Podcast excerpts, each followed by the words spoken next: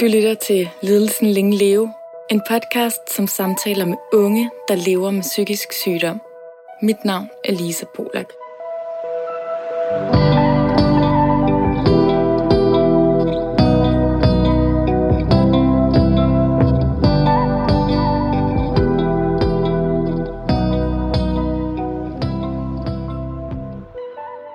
Hej og velkommen til Lidelsen Længe Leve. I dag der har jeg besøg af Sandra, og vi skal tale om angst og OCD. Sandra, velkommen til dig. Mange tak. Vil du øh, kort præsentere dig selv? Det vil jeg da i hvert fald. Øh, Jeg hedder Sandra og er 26 år gammel, og til daglig der arbejder jeg i psykiatrien. Og øhm, nu skal jeg lige fortælle en lille fun fact. I øh, sidste uge, der øh, skulle jeg tisse rigtig meget på vej hjem i toget. Og jeg låser døren ind til togtoilettet, tror jeg. Det gør jeg så i virkeligheden slet ikke. Øh, døren går op, imens jeg sidder og tisser. Og det er fredagstoget med mange stive teenager, der står lige ude foran døren. Og jeg tissede færdig i bukserne. Ja, det gjorde jeg. Ja, Sandra, du er en, øh, en festlig pige, og det kunne jeg mærke allerede øh, efter første telefonsamtale, vi havde. Så øh, det kom nærmest også lidt bag på mig, at, øh, at du kunne lide af angst og OCD, for du virker ekstremt udadvendt, og som om tingene bare kører for dig. Men det gør de jo ikke, øh, ikke altid helt. Og øh, vi har før i, øh, i den her podcast talt med en anden om øh, OCD. Øh, men jeg synes, at, øh, at din historie også giver rigtig god mening at have med, fordi at øh, OCD har forskellige former og kommer til udtryk på forskellige måder. Og, øh, og de er nok noget, man ikke så meget kan se på dig, øh, men meget noget, der foregår inde i dig selv. Så mere øh, tvangstanker end tvangshandlinger. Men Sandra, vil du øh, fortælle, hvordan, øh, hvordan angsten og OCD'en startede? Det vil jeg. Det startede, da jeg var cirka 8-10 år gammel, hvor jeg havde en regel med mig selv om, at jeg skulle tælle hver aften, hvor mange der ville blive kede af det, hvis jeg døde. Fordi ellers så kunne jeg ikke sove, eller så måtte jeg ikke sove for mig selv. Og jeg fik mit første angstanfald, da jeg var 12-13 år på en ferie i Kroatien. Men man kan sige, at hverken min, min familie eller mig selv vidste egentlig, at det var et angstanfald. Øh, vi troede, jeg var dehydreret. Dehydreret hedder det. Og jeg var faktisk enormt mærket af det efterfølgende. Øh, det var nærmest et år efter, hvor jeg for eksempel ikke turde gå alene i Lyngby Storcenter. Og i gymnasiet, der begyndte jeg så småt at få tvangstanker. Jeg var enormt bange for at gøre nogen fortræde i søvne. Og det fyldte rigtig meget, fordi at jeg begyndte ligesom at tvivle på mig selv. Er jeg nu et godt menneske? Er jeg det menneske, jeg føler, at jeg er? Og øhm, Og når du siger, gør nogen fortræde i søvne, var det så, fordi du var bange for at gøre noget, du ikke var i kontrol over, når du ja, sov? ja, jeg var rigtig bange for, at åh oh nej, tænk nu, hvis jeg gik ned og gjorde et eller andet mod mine forældre i søvne, som jeg ikke var klar over, at jeg gjorde. Øhm, og efterfølgende, der begyndte jeg at få rigtig meget angst. Det var primært panikangst, hvor at jeg lige pludselig kunne gå ud på gaden, og så kunne jeg få en følelse af, at oh nej, jeg kan ikke trække vejret. Min mave snorede sig ligesom sammen. Og jeg kunne ikke rigtig placere, hvad det var, jeg fik angst over. Og det var også her, det begyndte at gå op for mig, sådan, okay, men det er nok angst, jeg har egentlig. Øhm, og øh, Var noget, du havde hørt om i gymnasiet, andre havde, eller kendte du ikke så meget jeg har, det? jeg har øh, rigtig mange gode veninder, øh, som også har lidt under angsten. Så dem havde jeg snakket med, øh, men det var jo stadigvæk meget nyt for mig. Øh, men det var rigtig rart, at jeg har nogle rigtig gode veninder, jeg kunne snakke med det om. Og øh, efter gymnasiet, efter jeg havde haft to sabbatår, der øh, gik min første kæreste fra mig, og jeg flyttede ind til byen i et kollektiv, hvor der var øh, fuld fart over feltet. Det var fest, og det var glade dage, og øh, her begyndte jeg ligesom at lægge mærke til effekten af alkohol, at den gjorde mig mere rolig, og at det på en eller anden måde gjorde, at, at angsten ligesom fik noget hvile. Øhm, selvom jeg så havde det dobbelt så skidt dagen efter, hvis det var de der store byture. Øhm, og på det her tidspunkt, der havde jeg gået et halvt år på mit studie, men jeg stoppede i 2016, da jeg for det første ikke var klar til at studere, og, øhm, og angsten fyldte også rigtig meget. Og det var her, at det ligesom begyndte at udvikle sig til angst for angsten. Øhm, og når man siger angst for angsten, så er det fordi, at det, det man egentlig bare går og bange for at tænke på hele tiden, det er, hvornår får jeg det næste angstanfald? Ja, og mit var primært om aftenen.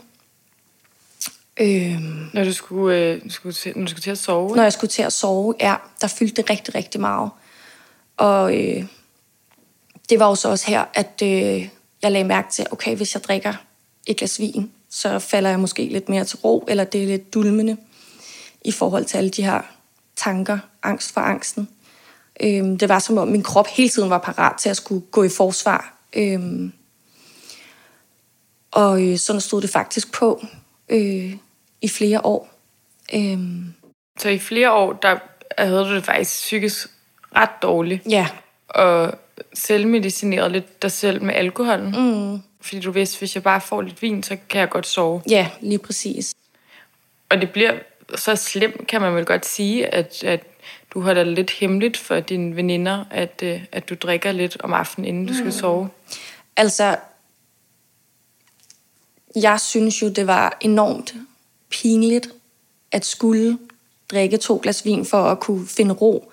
Og det er jo meget normalt at drikke to glas vin om aftenen. Det er der jo mange mennesker, der gør.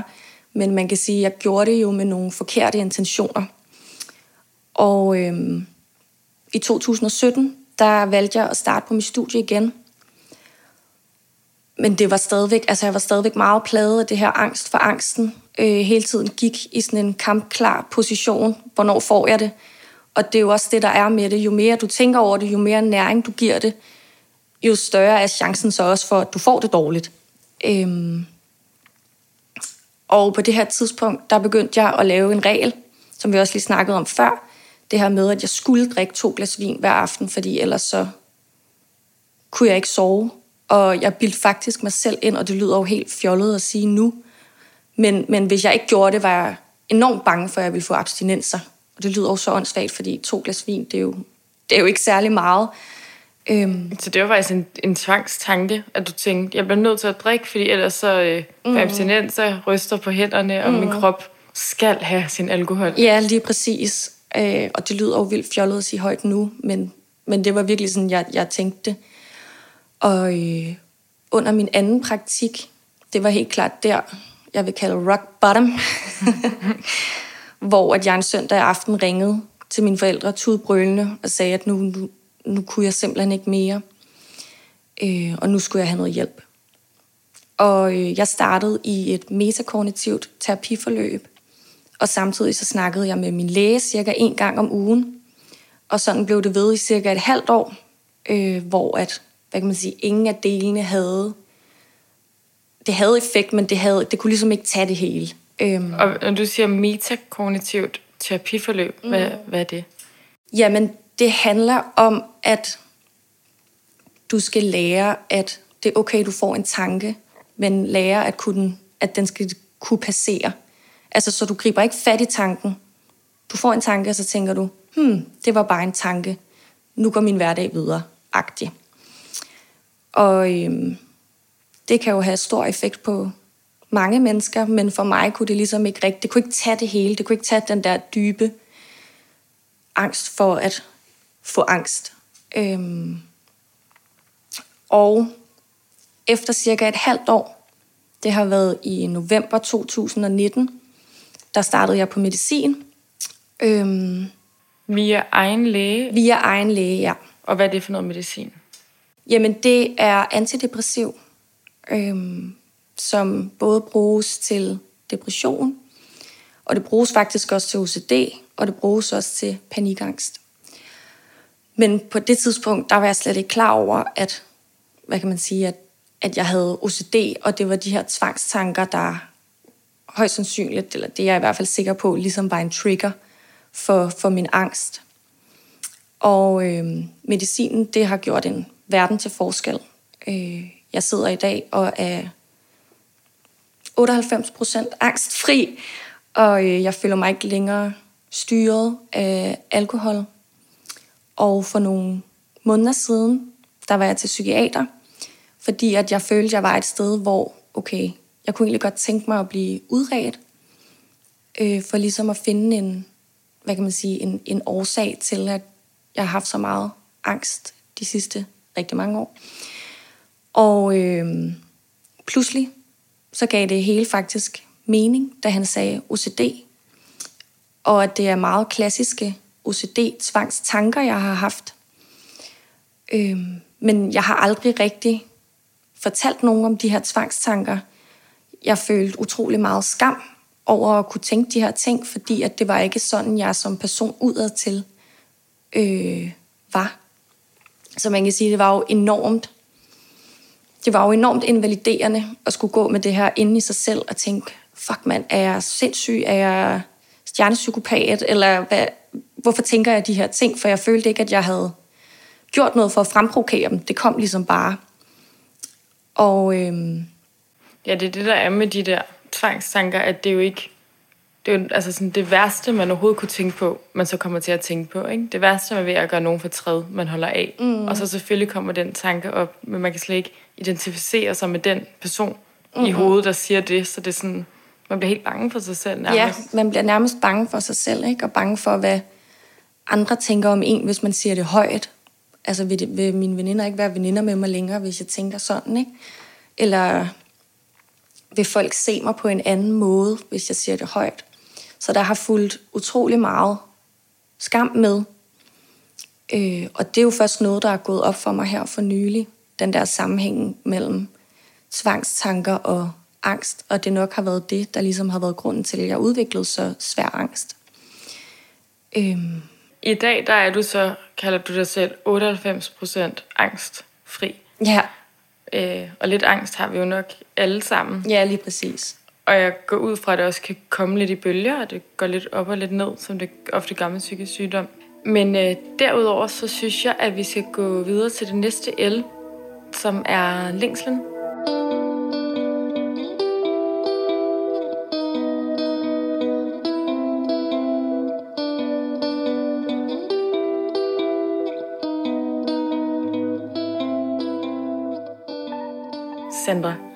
Vil du øh, fortælle lidt om dine længsler i forbindelse med OCD og angst? Ja, vi har jo været lidt inde på det før, men en længsel for mig i de perioder, jeg har haft det sværest, det har helt klart været at ty til alkohol.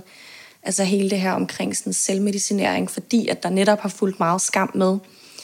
Og man kan sige, at det er jo den nemmeste måde ligesom at dulme de smerter, du har indeni. Øhm, og en anden længsel for mig har helt klart været øhm, noget mere information omkring psykiske lidelser. Og at... Altså, du har ikke følt dig så vidne omkring, hvad angst er? Nej, og, og det tror jeg også har noget at gøre med, at, at det er jo ikke noget, folk siger med det samme. Det er jo ikke, fordi jeg, når jeg møder folk, at de siger, hej, jeg hedder Birgitta, og jeg har øh, angst. Øhm, der ligger jo stadigvæk... Det er jo stadigvæk meget tabubelagt at sige, hey, jeg har faktisk ondt i mit hoved. Øhm, jeg har ondt indeni. Det er ikke bare mit øh, knæ, der gør ondt.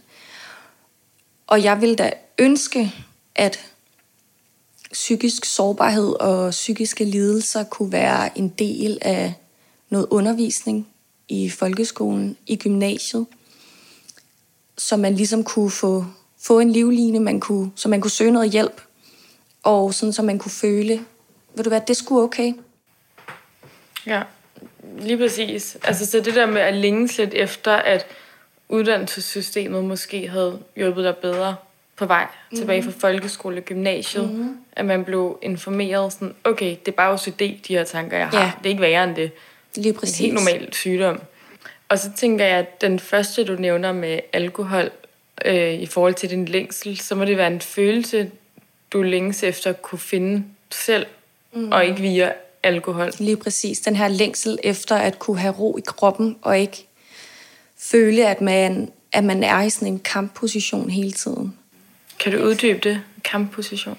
Ja, men det er det der, igen det der med angst for angsten, det der hele tiden gå og skulle være parat til at få det dårligt. Altså det bruger man jo enormt meget tid og energi på, og hele tiden føle, at man sådan er helt spændt op. Øhm, så en længsel er klart også at kunne finde noget ro i kroppen selv, øh, uden alkohol, og på et eller andet tidspunkt uden medicin. Øhm, og den her længsel efter ikke at tvivle på sig selv. Øhm, er jeg et godt menneske for andre? Øhm, er jeg en elskværdig person? Ja. Øhm, altså det er jo virkelig sådan invaliderende i forhold til ens inderste kerne, ikke? Altså man tvivler på ens grundværdier. Øhm, så det er, det er klart også en længsel, da jeg havde det aller værst, ikke? Ja, altså, altså noget mere selvværd på en eller anden måde, at stole på sig selv, mm. at man er god nok. For det, det er jo en usikkerhed, tror jeg lidt selv, når man har, jeg lider jo også af OCD øh, i perioder mere end andre, men der er jo noget, noget en grundsten, hvor man tvivler lidt på sig selv, mm. fordi at man ikke kan sådan berolige sig selv, sådan, du er god nok, og du elsker alle, du gør ikke nogen fortræd. Mm. Altså, det, det er vel også en eller anden ting, man skal arbejde lidt med sig selv på. Det er det helt sikkert, men det vil jeg så sige, at, at det har medicinen hjulpet mig rigtig meget med. Altså at finde den her, komme tilbage i den her ro, øhm, og det har hjulpet mig til at, at stole noget mere på mig selv. Øhm, og jeg tror, der er mange, altså, der er jo mange, der tænker, ej, antidepressiv, lykkepiller, bliver du en anden, eller kommer du til at ændre dig, eller... Altså, jeg tror, der er rigtig mange fordomme omkring medicin generelt i forhold til psykisk lidelse. Og øh, det skal simpelthen bare øh, fuck af, fordi at det har virkelig gjort en verden til forskel for mig. Og det er ikke fordi, jeg siger, at det er løsningen for alle. Det var lige løsningen for mig. Og jeg vil da helt klart anbefale, at man, hvis man går og har det svært indeni, at man søger noget hjælp. Det er ikke fordi, jeg siger, at medicin skal være det første, man, man tyr til. Jeg har prøvet mange andre ting inden, men, men det har lige været løsningen for mig. Helt klart. Jeg synes, at vi skal gå videre til det næste el, som er lasten.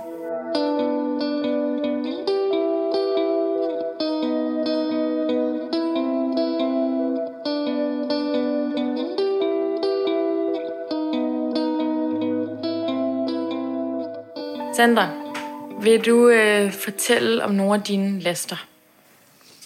Ja, vi har også været lidt inde på det før, men det var, jeg tror en af mine laster var meget det her med, uh, hvor det er pinligt, at jeg føler, at jeg bliver nødt til at drikke to glas vin. Så i perioder har jeg aflyst mange aftaler. Jeg har ikke haft det største overskud.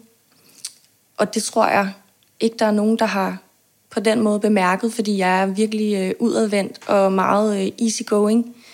Øhm, men det har klart været min, min, min største last. Altså det her med at have det her helt forskroet billede af alkohol, og vel, hvilken effekt det har på mig, havde på mig.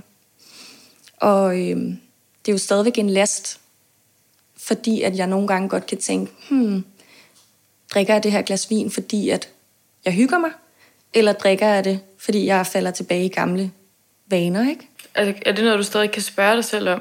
Ja, det kan jeg sagtens finde på at spørge. Jeg tror, det ligger dybt, og fordi jeg jo godt vidste, at det, det var et skråplan, fordi at jeg drak med forkerte intentioner, eller nogle intentioner, som skulle have været anderledes. Og jeg tænker da bare, hold kæft, hvor ville jeg da bare ønske, det var kakaomælk, jeg havde det sådan med, ikke? Altså, Hvorfor skulle det lige være, hvorfor skulle det lige være alkohol? Kunne ikke bare være kakaomælk mælk afhængig, altså? Ja. Øh. Men man, man kan også sige, selvom at jeg godt ved, at det er en tvangstanke, så hjælper alkoholen jo også på at sove. Jeg har jo selv mega mange søvnproblemer, og elsker at gå i seng på en øl eller to, mm. fordi så kan jeg lettere sove. Så mm. altså, det, det hjælper jo også. Det, det gør det, men man kan også sige, at der er jo også en grænse for, hvornår, altså, men jeg får ikke tømmermænd af at drikke en øl, eller to øl, eller whatever. Men hvis det går op over det, så har det jo også indflydelse på næste dag. Og det kan godt være, at når man drikker to glas vin, at man føler mere ro, men det har faktisk den omvendte effekt på din søvn. At øh, så snart den der dulmende effekt har lagt sig, så bliver din søvnkvalitet faktisk dårligere. Selvom det føles omvendt. Og man kan sige, at en af dine laster har også været selve søvnen. Fuldstændig. Jeg har jo nærmest ikke... Jeg har ikke sovet i et år. Altså sådan føles det virkelig i nogle perioder. Øhm, ja, vil du lige uddybe det? Hvor dårligt altså, du har sovet i perioder? Fuldstændig. Altså, jeg kunne finde på at... Øh, hvis jeg vågnede, kunne jeg finde på at stå op og lægge tøj sammen. Altså bare for at få noget af den der uro ud af kroppen. Øh, nogle gange sov jeg slet ikke. Sov måske to timer. Og det er jo enormt invaliderende på ens dagligdag. Du har ikke energi, du har ikke overskud. Øhm, du har ikke overskud til at være det menneske, du gerne vil være. Og, øhm, men det har medicin jo heldigvis hjulpet rigtig meget på. Jeg øh, sover 90 procent godt. Der er stadigvæk nogle aftener, hvor at, øh, der er mange tanker. Øh, det kan være katastrofetanker, det tror jeg, der er mange mennesker, der kender til. Tænk, hvis øh, jeg bliver kørt ned af en bil i morgen, eller whatsoever. Og nogle gange kan det godt tage over, men, men det sker ikke særlig tit længere. Øhm, så ja, søvn har også været en kæmpe, kæmpe last. Altså man kan sige, at søvn var en, altså en af de sådan, faktorer, der gjorde, at, at hele det med, alt med vinen startede, og abstinenser, fordi at det der med at give slip om aftenen nok har været svært for dig, ikke? At gå ind i, i søvnen. Jo, lige præcis. Øhm, det, var, det var enormt svært at give mig selv hen til at skulle, nu skal jeg slappe af. Men det er jo også der, man har tid ikke? til at ligge og tænke over alle de, alle de tanker, man måske har undertrykt i løbet af, af dagen. Øhm, og det virker bare mærkeligt for kroppen, når okay, nu har du været i sådan en kampklar position hele dagen, nu skal du give slip. Det, øhm, det tænker jeg, at kroppen er sådan, hvorfor fanden skal jeg det? Altså. Ja, præcis. Jeg kan meget godt genkende det. Men uh, Sandra, jeg synes, vi skal gå videre til det næst sidste el, som er livet.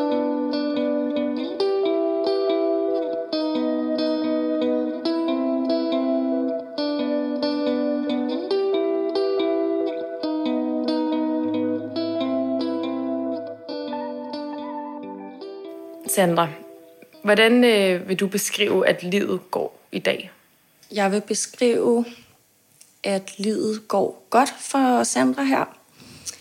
Jeg, øh, jeg føler, at jeg har fundet tilbage til min grundkerne, og det har helt klart været ved hjælp af medicin og psykolog. Men at jeg jo stadigvæk godt kan altså, have nogle problemer med søvn en gang imellem.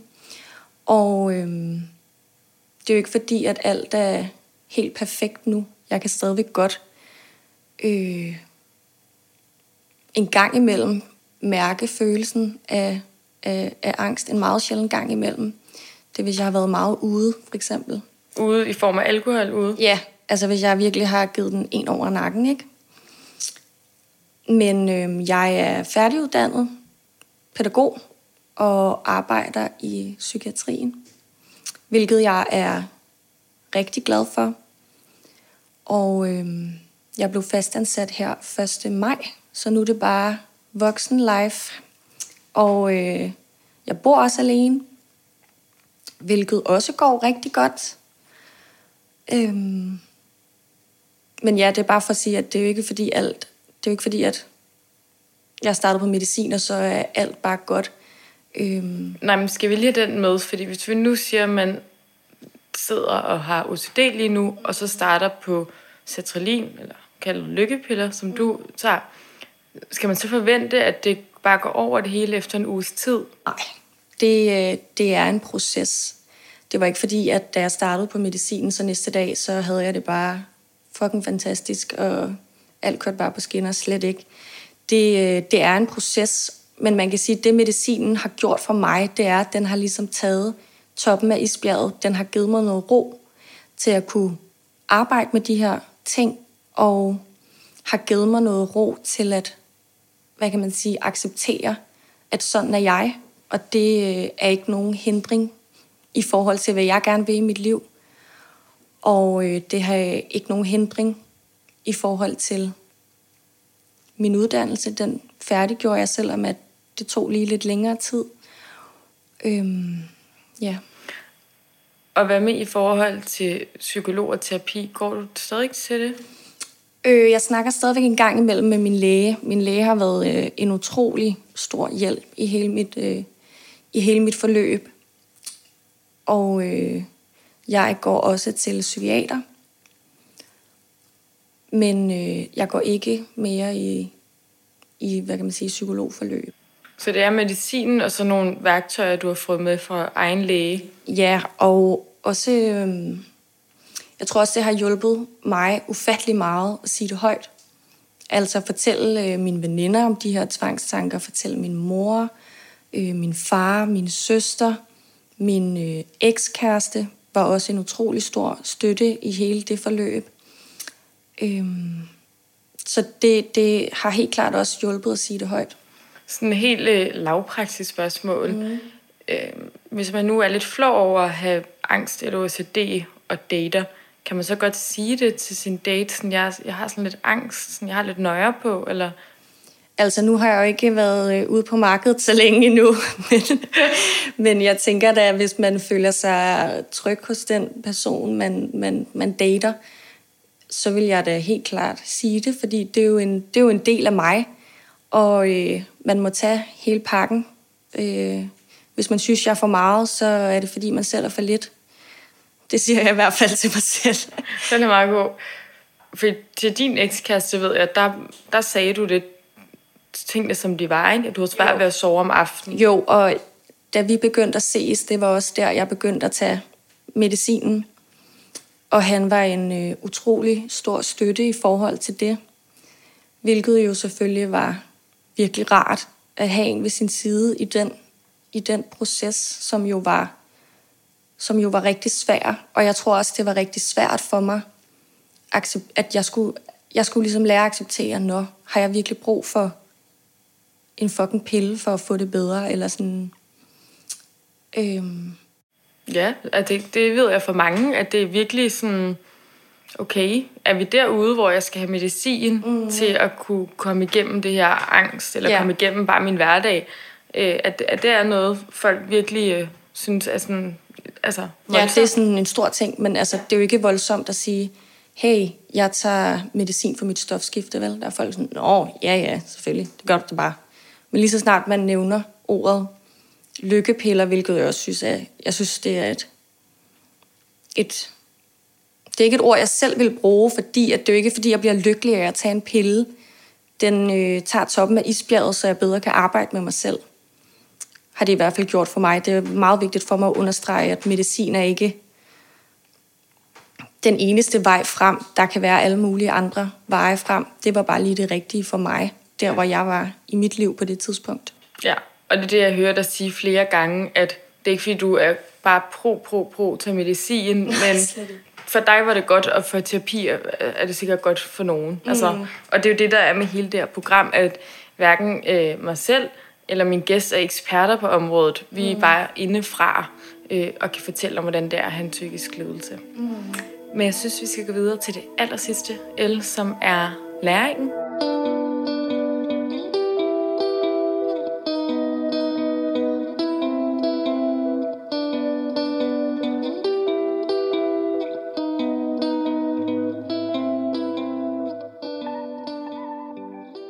Sandra, vil du fortælle om øh, nogle af de læringer, du har gjort dig? Altså man kan sige, det hele er jo en proces, og jeg er stadigvæk i en proces. Jeg vil jo også gerne lære at, øh, at leve et liv uden medicin på et tidspunkt. Øhm, men jeg tror, at den vigtigste læring for mig har været at acceptere det, som det er. Øhm, en psykolog sagde til mig, Sandra, Hvornår accepterer du, at du har angst? Du skal ikke kæmpe imod, for det går ikke bare lige væk. Du skal lære at leve med det, fordi det er en del af dig. Og øh, jeg har brugt enormt lang tid på at kæmpe imod og være pissehammerne vred og uforstående. Men øh, en kæmpe læring for mig har været, at det skulle ikke flot at bede om hjælp. Altså det er det virkelig ikke. Øhm, for mig er generelt synes jeg, at psykiske lidelser bliver gjort til noget kæmpe stort. Altså i forhold til alt muligt andet. Det er, så, altså, det er som om, at så snart det har noget med, med hovedet at gøre, så er det bare, wow, altså, det er alvorligt, ikke? Mm. Men for mig er det sgu bare mere sådan, det er sådan, jeg er. Det har været en, en forhindring i mit forhåbentlig lange liv, og, øh, og det skal jeg lære at leve med. Er der noget, du stadigvæk gerne vil, vil lære? Ja, jeg, ja, jeg sagde det også lige før. Jeg vil jo stadigvæk gerne lære at kunne, kunne håndtere angsten, når jeg en dag ikke er på medicin. Det er jo det næste step i min proces på et tidspunkt. Men lige nu, der nyder jeg bare, at jeg har ro i min krop, og øh, jeg har ro til at finde mig selv som en uh, single girl. øhm, og starte, hvad kan man sige, et, et nyt kapitel i mit liv. Og hvordan, nu ved jeg, at der er sket nogle forandringer i dit liv mm. og så videre, og du er meget lige er blevet fuldtidsansat og ligesom mm. går et nyt kapitel, eller er lige startet på et nyt kapitel i dit mm. liv. Og det, det, er jo sådan, det, det er jo lidt stort for alle, uanset om man lider angst eller ej. Men mm. føler du sådan, kan du mærke, at jeg har det virkelig meget bedre i dag, end det havde været for tre år siden? Fuldstændig. Altså, jeg... Øh, ja, fuldstændig. Altså, det er... Det er ikke en helt ny Sandra, fordi jeg er altid bare mig selv, og det, det er jeg bare. Øhm, men, men jeg har jo lært rigtig meget på de her de seneste tre år. Øhm, både igen det med at, at råbe højt omkring det. Det er også derfor, jeg er med i den her podcast, så jeg forhåbentlig kan hjælpe nogle unge mennesker, der sidder derude med nogle af de samme tanker, som jeg har siddet med. Og øh, det her med, at det skulle ikke, øh, det skulle ikke tabu at have, øh, have det lidt svært indeni. Det, øh, det er noget, alle kommer ud for på den ene eller på den anden måde. Ja.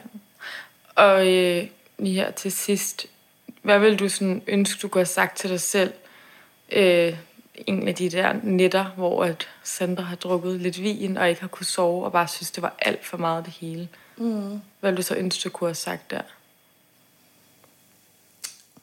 Den var straks sværere.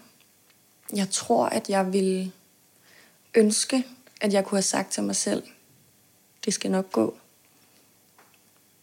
Det tror jeg virkelig. Altså, det skal nok gå. Og øhm, du skal nok komme over på den anden side. Ja. Det skal nok gå. Ja. Det tror jeg. Helt klart. Er der noget, du vil sige her til allersidst? Tak, fordi jeg måtte være med. Det var så lidt, Sandra. Og hvis I kunne tænke jer at høre Sandra endnu mere ind til hendes angst eller OCD, så gå ind og følg ledelsen længe leve, og så kan I skrive en øh, besked, og så vil Sandra besvare dem inden for den Instagram af. Tusind tak, fordi du lyttede med.